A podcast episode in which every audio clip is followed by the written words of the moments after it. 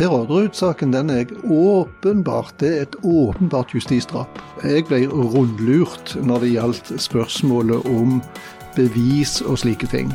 Vi vet du har gjort det, vi kan bevise det, men du husker det ikke selv. Ikke lever den lappen, men det gjorde han. Sitter det folk i norske fengsler nå som er uskyldig dømt? Ja, mange sitter. Her er Stavrum og Eikeland, en podkast fra Nettavisen. Advokat Arvid Sjødin er årets navn i Nettavisen, og det var en lett beslutning etter et år som både eh, frifant Viggo Kristiansen for baneeiersaken, og også endelig ga en oppreisning til eh, Birgitte Tengs fetter.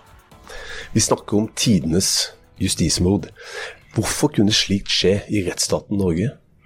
Det er nok fordi at uh, vi har et rettssystem som ikke fanger opp alle ting.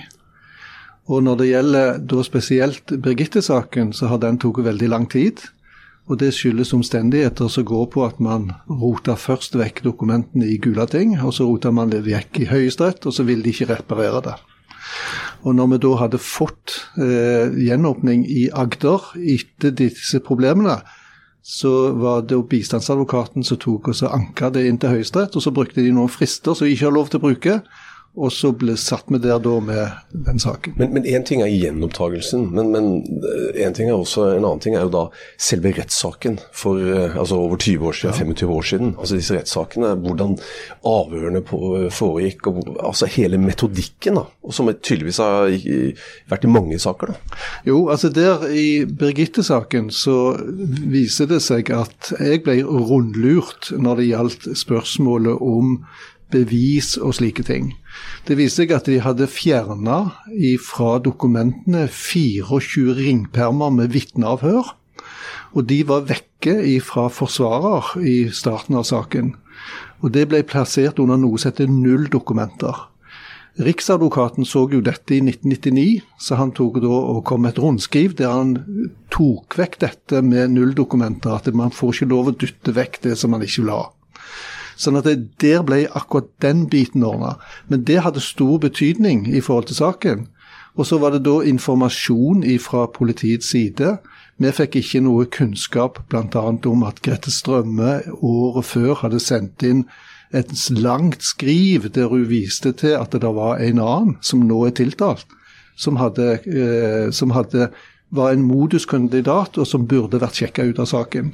Det fikk ikke vi vite noe om, men vi hadde allikevel pekt på han i vår sak i, i, i herredsretten.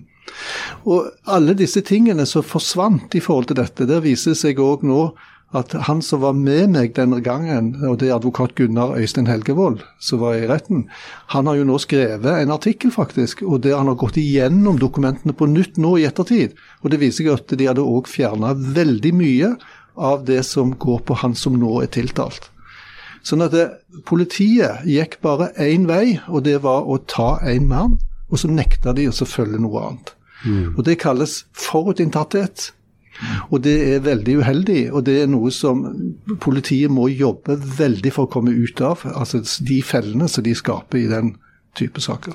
Vi tar, en, vi tar en sak av gangen, siden de på en måte er jo ja. tross alt forskjellige saker. Det, men en, kanskje en fellesnevner der det skjer et gruoppvekkende drap eller flere, mm. Eh, og publikum vil at det skal oppklares. Ja. Det er på en måte en psykose etter å oppklare det. og så finner man en person.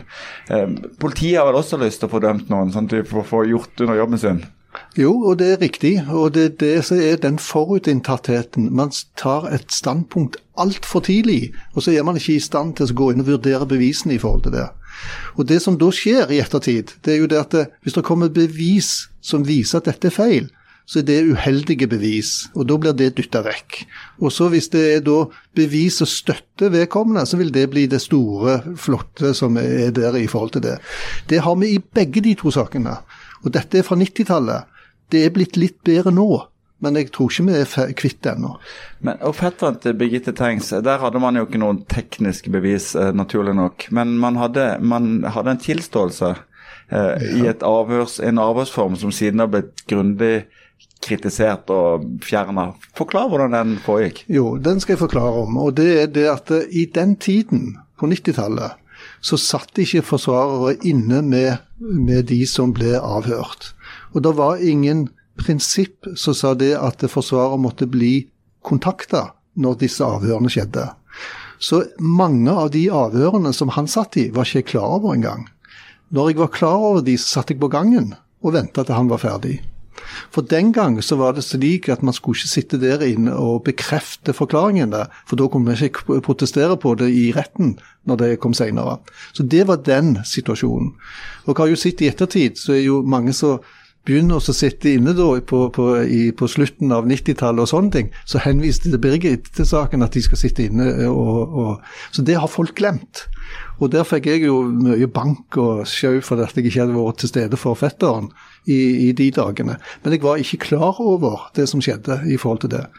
Det som fetteren gjorde i den fasen, det var det at eh, han ble sittende inne med Stian Elle og hadde et godt tillit til han og, og ønsket heller å sitte der i stedet for å sitte alene på ei celle på fengselet. Og de opparbeida en tillit, og, og, og fetteren stolte på han. Og det gjorde at han fikk høre hver dag at 'vi vet du har gjort det', 'vi kan bevise det', men du husker det ikke selv. Og Det resulterte i at han etter en stund så begynte han å bli så påvirka av dette at han begynte å tro at han hadde begått handlingen, og prøvde å huske det så godt han kunne. Og Resultatet av det var at han kom jo til meg med en lapp når jeg satt ute på gangen. og Så kom han og viste meg en lapp, og der sto det 'Jeg bekrefter å ha forvoldt Birgitte Tengs død', sto det på ekte jusspråk. Så han hadde skrevet ned til meg. Og den tok jeg opp med han, og vi satt lenge og snakket om husker du dette, husker du nei. Han huska det ikke helt, men det måtte jo være sånn, siden de sa det. Og alt sånt, og jeg anbefalte ikke levere den lappen, men det gjorde han. Og det var nok en påvirkning som, som, kom i forhold til dette. Og I mellomtiden satt jeg og venta på dokumenter, jeg satt og venta på alt med himmel og jord, og kom ikke inn i, i systemet. Og i ettertid så har jeg jo forstått at dette har vært bevisst. Det har jo Asbjørn Rachlew fortalt meg, for det lå jo instrukser i Kripos som skulle holde forsvarer borte fra saken i etterforskningen når den tid var. Og så ble du forbanna. Så sa du 'de skal ikke lure meg'. Nei, det stemmer. Og det skjedde etter forfatteren tilsto. Og så eh, var jeg oppe og snakket med han, og så reiste jeg da mye i fengselet oppe i Bergen når han kom der. Og jeg forsto mer og mer at han kunne ikke ha gjort det. Så det som jeg gjorde, det var det at jeg, jeg trakk tilståelsen hans uten han visste om det, men i samråd med faren, for han tørde ikke. Og han tok da og gikk på en sånn løgndetektortest som du bestilte sjøl fra, Trondheim, og da skårte han fullt ut at han var ikke skyldig. Og da tok vi og så gikk i, i retten eh, den gangen i forhold til det, og var i retten der. Men det som jeg bestemte meg for, og det er det du sier. De skal faen ikke få ta og lure meg på, på, den måten, og det er derfor jeg aldri har gitt meg heller. Men, men, men så er jo da problemet for han, da, siden han, mm. den tilståelsen lå der. Ja. Okay, det viser at det var feil. Men så blir han fortsatt da dømt eh, til å betale erstatning til uh, ja. uh, Birgitte Tengs sine foreldre. Uh, og det er klart at da, hos folk flest da, så er han jo fortsatt litt skyldig. At han bare hatt en fantastisk god advokat da, som har lurt systemet. Det som skjedde der med den uh, erstatningen og slike ting, det er jo det at uh, retten følger ikke med. Altså Retten ser ikke på hva som er bevis, de følger hva de tror. Og i dette tilfellet så var jo statsadvokaten fremme hver gang i retten og så sa i denne sak er det ingen andre bevis kan lede til domfellelse eller hans egen tilståelse. Og dette tar de allikevel å dømme ham for. Og da er det noe riv ruskende galt, og spesielt når Gisli Gudjonsson kom fra London.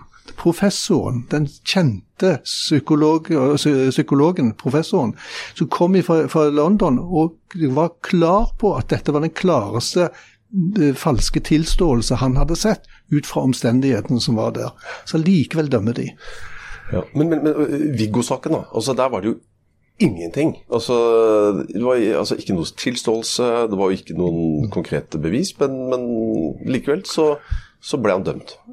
Det som er spesielt med Viggo-saken, det er at uh, i starten av den saken så mente da de ledende politifolkene i Kristiansand at her måtte det være to. Og de hadde plukket ut Viggo, og de hadde plukket ut Jan Helge for dette. Og det fremgår jo av bøker og sånn som vi har fått greie på i ettertid, at de hadde jo planlagt å gå til pågripelse lenge før de hadde funnet DNA av Jan Helge, og det ble stoppa. Så plutselig så finner de DNA av Jan Helge, og så tar de begge to inn til politikammeret. Og for politiets del så er jo da dette to som må ha gjort dette. Så at de stiller spørsmål til Jan Helge, ikke om du har vært alene og gjort dette, Nei, de stiller spørsmål om han kan fortelle hvem som var med han. Og det gjør de i det første avhøret han er i. Og han får da beskjed om at da vil han, hvis han samarbeider med politiet, så vil han få fordeler, han vil få lavere straff, og han kan gjerne tone ned sitt eget forhold og sånne ting i forhold til dette. Og da vil han sitte godt ut av dette og få lavere straff hvis han gjør det. Og det er da han sier ifølge rapporten, for de var så dumme de skrev rapport om det. og Der skriver han rett og slett følgende, at der sier han det var Viggo, men jeg vil aldri treffe han mer. Det står i den rapporten. Den driven du må ha etter alle disse årene. Du har jobbet med to, to håpløse utgangspunktet saker ja. i, i, flere tiår. Du solgte huset ditt på Lura underveis. Du har lagt ned gratisarbeid for 10-20 millioner kroner du ikke har fått betalt for. Hva i himmels navn har drevet deg i disse årene? Altså, når du går og studerer eh, eh, på universitetet, så må du avlegge ed. Mm. Og der avlegger du eden med at du skal bekjempe urett med rett. Og det gjorde jeg. Men på den annen side så er det slik at det rammer ikke bare den ene personen, det som skjer. I Birgitte-saken så ramma det hele bygd. Ei hel befolkning ramma det der de ble delt i to, og noen var sikre på at han hadde gjort det, og noen var ikke sikre. og jeg, på vårt kontor så fikk vi jo en haug med skilsmisser og sånne ting, der, der damene påsto at mannen var Birgittes drapsmann og sånne ting. Så, så det, det, det, gikk inn i hele systemet så ettertrykkelig. Og så har du da familien som sliter med dette forferdelig. Og det kunne ikke bare legge det vekk. Altså Du må stå på for å prøve å få løst det. At det tar så lang tid, det er det domstolene som har gjort feilen. For de har rota vekk dokumenter og ikke vilt uh, gått inn og sett korrekt på det. Og feil lovgivning. I Viggo-saken så er det akkurat det samme. Der er det òg sånn at det er ikke bare Viggo dette går utover, men det går utover òg hele hans familie, som sliter. Og, og, og, derfor så Du kan ikke bare legge det vekk. Du må få en avslutning på det. Mange kunne nok ha lagt det vekk, men vi er jo begge fra Kristiansand. og sånn, Det å være forsvareren til Viggo Kristiansen, det, Du blir ikke noen populær person i Kristiansand inntil ganske nylig på det. Så du må jo ha fått ganske mye tøff motbør gjennom disse årene også? Jo, jeg har blitt utskjelt og stått på. Jeg driver på med advokatbederva mat, og, og jeg utnytter systemet og alt med himmel og jord, så jeg har prøvd absolutt alt å stoppe meg i Kristiansand. Men uh, jeg visste jeg hadde rett, så jeg sto på for det. Men, men i, i, begge de to sakene så har vi jo sett at de pårørende eh, etter de som har blitt drept, altså de, de, har jo nesten motarbeida sammen med sine bistandsadvokater da, uh, den gjentagelsesjobben som, som, du har ført i pennen for din, dine klienter. Og nå når de har blitt frikjent, så virker det nesten som at de ikke helt aksepterer det. Uh, hva hva skyldes det? Altså, det? er lett for oss å sitte utenfra og, og, bare si at det må de jo gjøre, men, men de gjør ikke det. Og, og det, De kan kanskje ha en grunn til det, men, men hva, hva, tror det skyldes? Altså, Jeg tror det skyldes at man blir så opphengt i det forferdelige som man har opplevd. Og så velger man da noe å komme ut av det på. Og, og derfor så kommer da den situasjonen at man da gjerne plukker ut feil mann og kjører altfor langt i forhold til det. Og Der tror jeg òg bistandsadvokatene har et visst ansvar. For de er ikke i stand til å rettlede de i forhold til hva som er bevis, og hvor, hvor dette ligger henne, og hvordan offentligheten gjerne tar dette. Det er Spesielt i Birgitte-saken har det vært et problem, for der har bistandsadvokatene jobba veldig iherdig eh, på alle fronter. For de har jo til og med vært forsvarere for han som nå er tiltalt. Og Det sier seg selv at eh, da kan man bli påvirka til å gjøre ting som ikke sikkert er helt korrekt i forhold til sine klienter. For jeg tror det at hvis de hadde fått en belæring i hva som er juss, og hva som er bevis og slike ting, så tror jeg vi hadde vært et annet sted. Men det er noe vi må ta opp med, med bistandsadvokatrollen. Jeg mener den har fått altfor stor eh, mening i, i, i, dagens liv. Der må vi begrense det. De skal ikke ha noe med, med skyldspørsmål å gjøre. Det er det politiet som skal ha. Politiet de har en helt annen stilling i forhold til det. De har objektivitetskrav. Det har ikke bistandsadvokaten. og Derfor så må man få endra dette på en eller annen måte, og det skal vi ta opp nå. Litt til omgivelsene rundt disse rettssakene. Det er Bare en påstand. Eh, påstanden er at når, når, de, når, de, første rettssakene kom, så var det på en måte et opinionspress i retning av at de skulle dømmes. Så tror jeg opinionen eh, f.eks. Bjørn, eh, Bjørn Jahr og bøkene hans og mm. podkasten hans mm. har skapt en annen opinion rundt sakene. Spiller opinion en rolle både for frifinnelse og for dømming? Åpenbart spiller de en rolle i begge de situasjonene. Og Det som var poenget med bl.a. Baneheia-saken, det var jo det at vi hadde ikke noe hjelp fra pressen. Mm. Det var andre krefter som gikk inn og stoppet de hele veien hvis de skulle skrive noe. Og Resultatet av det ble at eh, jeg var ofte invitert til presse i Akersgata og skulle komme inn og så snakke med journalisten så sier han beklager, men ledelsen har sagt vi skal ikke blande oss opp i denne saken. og mm. sånne ting. Altså, altså ledelsen i, til avisen? Til, til avisen, ja. Så, så, så, de, så, sa de at de skulle mm. ikke blande seg opp i den saken. Og Resultatet av det var at vi måtte tenke nytt. Sånn at eh, når vi, når vi starta i Stavanger, når jeg overtok eh, den totale arbeidet med den saken, det var jo Klomsæt som hadde hatt det før, og jeg overtok i, i 2012, så, så, tok jeg kontakt med Terje Helland i Stavanger. Og da tok vi og så lagde nettsider som der vi kom inn med våre anførsler mot domfellelsen. Og Resultatet av det var at det ble lest av sosiale medier, som da kom ut og så begynte han som hadde de mest forferdelige beskrivelser, Viggo, i, i, i, sosiale medier, han begynte plutselig å bli den som kanskje var uriktig dømt. Og det var et stort grep, for da begynte òg pressen å komme. Mm. Og da kom de tilbake igjen, og da fikk vi snudd opinionen. Og da begynte da den kampen som gikk på at man gikk og så på hva som var feil, og at det da kom nye ting. Men det kom da òg i, i, i, i Viggo-saken, for når Klomsæt hadde saken, så ble det da ny DNA som viste at det var ikke konstatert to påsteder. Det gikk videre, så kom det til, til, at eh, når vi kom til 2016, så ble jeg kontakta av Halvard Sivertsen, som da var, hadde jobba i Televerket i alle år og var veldig spent på var, hvordan det der kunne virke. Og Han gikk inn og så skrev han en rapport som da danna grunnlaget for den siste gjenåpningen. Og Da hadde vi et utelukkelsesbevis. Og det fjerner òg DNA-beviset i folkets mening. Slik at det, For du kan ikke ha begge deler. Du kan ikke avsette DNA når du ikke har vært der. Og Det, det gjorde at uh, det kom en opinion som var med da, og, og fangte dette opp. Og så, og så klarte vi da å nå frem med den største, minste eh, eh, måte du kan gjøre det på, altså. Det, var, det, var, det, det, er jo akkurat som Lotto, for å si det sånn. Men vi, vi, må, vi må, innom Gjenopptakelseskommisjonen, ja. som altså Det var fem eh, forsøk før det gikk gjennom. Ja. Og så kom det fram at det, det, var den samme saksbehandleren som leverte ja. innstilling i alle sakene. Hva er det for system? Nei, altså du kan begynne å lure med systemet. fordi at eh, vi har jo alltid lært og trodd at det er de som sitter i kommisjonen som avgjør saken. Men ut fra min oppfatning, og ut fra jeg leste den eh, avgjørelsen fra undersøkelsessaken som kom ut i 2012, eh, så er det ikke slik. Fordi at det sitter en og gir innstillinger og så innstillinger til kommisjonen. Så kommisjonen selv leser ikke dokumenter eller går inn og vurderer disse tingene. De, de bygger på det som vedkommende innstiller på.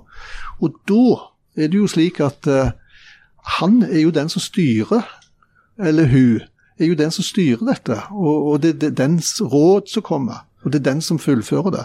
Og Der er det en svikt i systemet som ble påpekt i 2012, men som Justisdepartementet ikke har gjort noe med i alle disse årene. Og vi visste jo ikke at det var samme person som hadde tok og skrev innstillingene. Jeg har spurt gang på gang om å få se de innstillingene, blir, blir nekta det. Men jeg er overbevist om at det blir lagt fram når, når vi får en gjennomgang av det. Ja, For det var ikke noe sånn slam dunk den siste gangen heller, det var jo tre mot to. Og, Det var tre mot to. Og, og lederen var jo faktisk mot. Ja, og, og det, nestlederen han måtte jo eh, trekke seg, for han var inhabil. Og derfor så kom det inn en person som da medførte at det ble flertall. Og det eh, mener jeg viser at eh, man forholder seg ikke til bevis.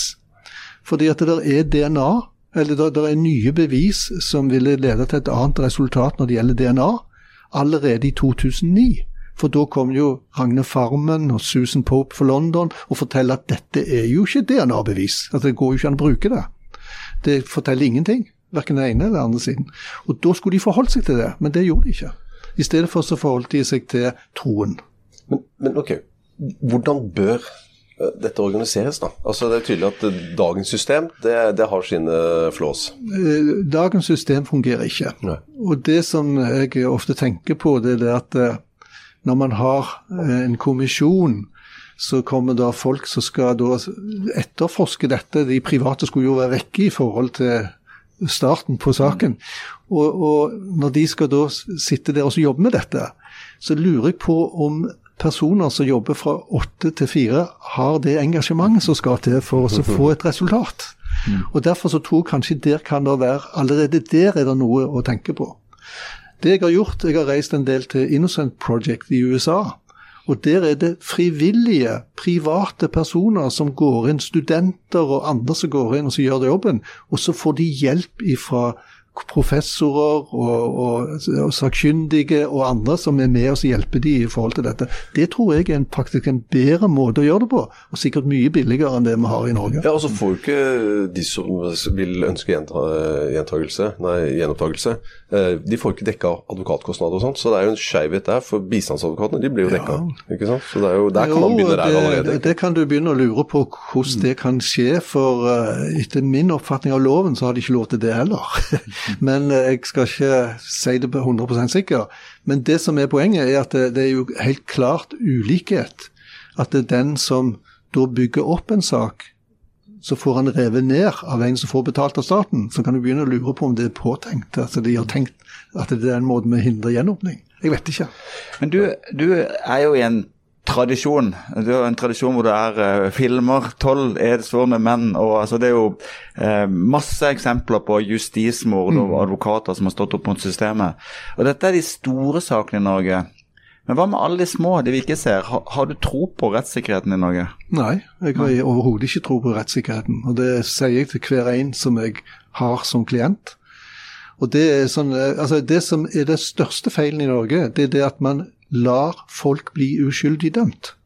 Fordi at loven er lagt sånn at f.eks. at hvis vi gjør en feil f.eks. med et forelegg, så, så nytter ikke anke det til lagmannsretten, for lagmannsretten har muligheten til å avvise den. Og da gjør de det. Og de bryr seg ikke om vedkommende er uskyldig dømt. Det har jeg eksempler på. Så, så det er flere på. Og der må det skjerpes inn. Og Det er derfor jeg mener at det, der, det har gått altfor langt med Høyesterett har gått inn og så, og så, og så reparert lover og, og sånn, og, og kommet med innstillinger og sånne ting som er usedvanlig strenge, og som er veldig vanskelige når det gjelder bevis, f.eks.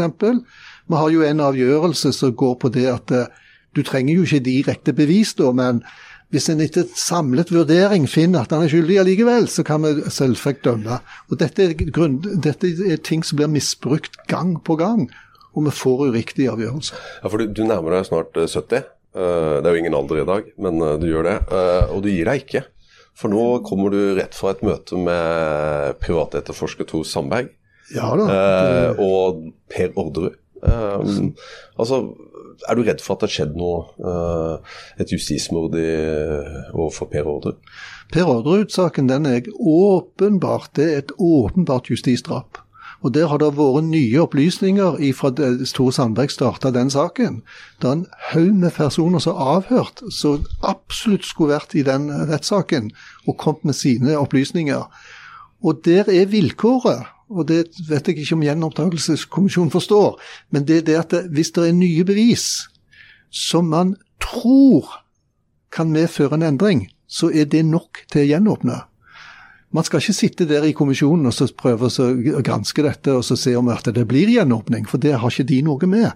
Men det er det som er hele poenget. Og når det er så mange som er avhørt, som har opplysninger om hendelsen og andre ting, så burde retten fått det med. Og så er det oppdaga masse tekniske feil som er gjort, krimtekniske. Så det, den saken kommer til å bli gjenåpna, det er det ikke tvil om. Har du snakket med Per Ordre nå nå nylig. og Hvordan har han det Hvordan har han det nå? Han klarer seg veldig godt. Han er en åpen og grei og trivelig og jovial person som jeg setter veldig stor pris på. Han klarer seg utmerket. Og han er bare opptatt av å få dette ordna. Mm. Og det skal han få. Hvis vi da går litt tilbake til medienes eh, rolle her. Eh, for, altså, det er jo ikke noe tvil om at mediene var relativt harde både med fetteren til Birgitte Tengs, med uh, Viggo Kristiansen. Mm. Um, og i Orderud-saken så, så var, var, de harde. Uh, den siste tiden så har vi hatt um, han um, uh, Hagen, som, som er, er, er mistenkt for å ha gjort noe, har noe med forsvinninga til kona osv. Mm. Der har jo også mediene, syns jeg i hvert fall hva Gunnar syns, men, men jeg syns at, at man i hvert fall i starten har vært relativt harde på at han er skyldig. For dette, det, jo, det, må jo være noen nær familie. Og, altså, altså, så, så, men har, har, vi, har, vi, egentlig lært mediene? Nei, jeg tror ikke det. Eh, det som, med Haget-saken så har jeg alltid sagt at dette er en klassisk norsk sak, hvor man plukker ut en altfor tidlig, og så tar man og kjører løpet fullt ut, og så vil man ikke slippe det. Og Det er, det er tradisjons i Norge det, med den type saker. Og Derfor så er jeg veldig skremt på, på måten det er skjedd. For dette, dette har jo tross alt skjedd så seint som i 2020. Og vi snakker om 1990 på de andre sakene. Og det viser at det er skjedd svært lite de siste åra. Med unntak av én ting. Og det er det at når vi fikk inn Oslo-politiet, så etterforska Baneheia-saken, så må jeg si jeg ble mektig imponert både med måten de sto på, måten de foretok avhør på, måten de gikk inn og så lette frem nye bevis som har ligget der altså i 20 år uten at noen har brutt seg i Agder fylke. Og Da må jeg si jeg var veldig imponert. Så det skjer noe på fronten, og det skyldes jo at utdanningen er litt annerledes. Og så er det òg en moralsetting som er helt annerledes der enn det som vi har opplevd tidligere. Er ikke det en forskjell egentlig på, på eh, Barnea-saken og Birgitte Tengs-saken? At eh, Min opplevelse fra utsiden er at, er at, tross alt, etter tid, så har Haugesund-politiet erkjent at de har gjort en håpløs jobb i den saken. Mens i Kristiansand så har de jo stått på sitt eh, helt, helt opp til nylig. Ja, de har stått uh, helt til nylig. Uh, men uh, det skyldes nok òg at de har et nært forhold til fornærmede og andre, og ikke ønsker å krenke. Det tror jeg det ligger litt i. Men en del folk lærer jo aldri. Mm. Det er ikke det. Ikke om de hadde sittet med meg på et rom i 24 timer, så hadde de lært, tror jeg. Men, men det, det, det ligger nok litt der. Men det som det viser, det de to sakene, det er at Haugesund-politiet de ble jo satt til å etterforske etter dommen sjøl. Men de, da klarte de aldri noe. De gjorde ingenting. Og det er en fullstendig feil etter norsk rett. Mens i, i denne saken så sa jo statsadvokaten fra seg det og i, i Baneheia-saken. og Da var det Oslo-politiet som kom inn, og det viste seg å gjøre uverderlige forskjeller. Men Føler du en anger? Altså, det, I en av sakene så har du jo fått personlige tragedier, så vidt jeg vet, også selvmord, eh, mens ja. i den andre ikke så. Eh, hva er den generelle følelsen av anger hos de politiene som har stått bak disse justismordene? Nei, altså jeg, jeg, tror ikke at det der er så veldig stor anger. Det vil jeg ikke eh, tro i de sakene. Det, det, det tror jeg ikke. Eh, for, for, jeg stoler ikke på dem de, om de sier det heller, for å si det rett ut. Så jeg tror ikke det. Fordi at det, det de har gjort i Haugesund, f.eks. Eh, vi hadde jo et drap eh, i Haugesund, i Stavanger, på Tina Jørgensen-drapet. I 2001, når jeg ble oppdaget hvordan likt det var Birgitte Tengs-drapet, så tok jeg og sendte meldinger fordi at eh, den som nå er tiltalt, han var jo da aktiv òg under lagmannsrettssaken i 1998. Og da ble, eh, ble politiet det kom til stede der, og de opplyste at han var sjekka ut av saken. Og Det som jeg gjorde i 2001 og 2002, det var skrevet brev til politimester og til alle som var involvert i den saken, statsadvokat, og ba om å få se hvor han var sjekka ut henne. Og jeg tok til og med ringte til etterforskere for å finne ut det. Og da fikk jeg beskjed om at nei, de hadde fått det muntlig fra Rettsmedisinsk institutt i, Norge, i Oslo. Og jeg tok det opp med Rettsmedisinsk institutt, og de hadde fått taushetsplikt, så de kunne ikke si noe. Så det, vi fikk aldri ly, belyst det. Og, og, og, og det i dag så sier jo politi, tidligere politimesteren i Haugesund at uh, Sjødin driver med konspirasjonsteorier når han skriver sånt. og sånne ting. Men det viser jo bare at uh, det er mange som har visst om det, at det, det ikke var sjekka ut. Og det viser at de vil ikke si noe. Og det er alvorlig, for det er å holde tilbake opplysninger som skal være til stede for alle. Men det jeg lurer på, du har jo veldig god kontakt med Birgitte Tengs og fetteren til Birgitte Tengs og, og, og Viggo. Vil de noen gang få sine liv tilbake? Ja, jeg eh, tror det. Eh, for det store presset, det har vært beskyldningene. Og det tenker jeg på Det er jo ikke lenger enn siden 2016 at Haugaland TV tok en undersøkelse i gata i Haugesund, eh, eller i Kopervik, og så spurte om om, om, folk kunne si om de var skyldige eller hva som hadde skjedd der. Og Da var det faktisk oppi 50% som mente fetteren var skyldig pga. dommen. For dommen er feil. Det er et menneskerettsbrudd. For den blir stående der det står at han har drept. Og Derfor så var den så alvorlig i forhold til det.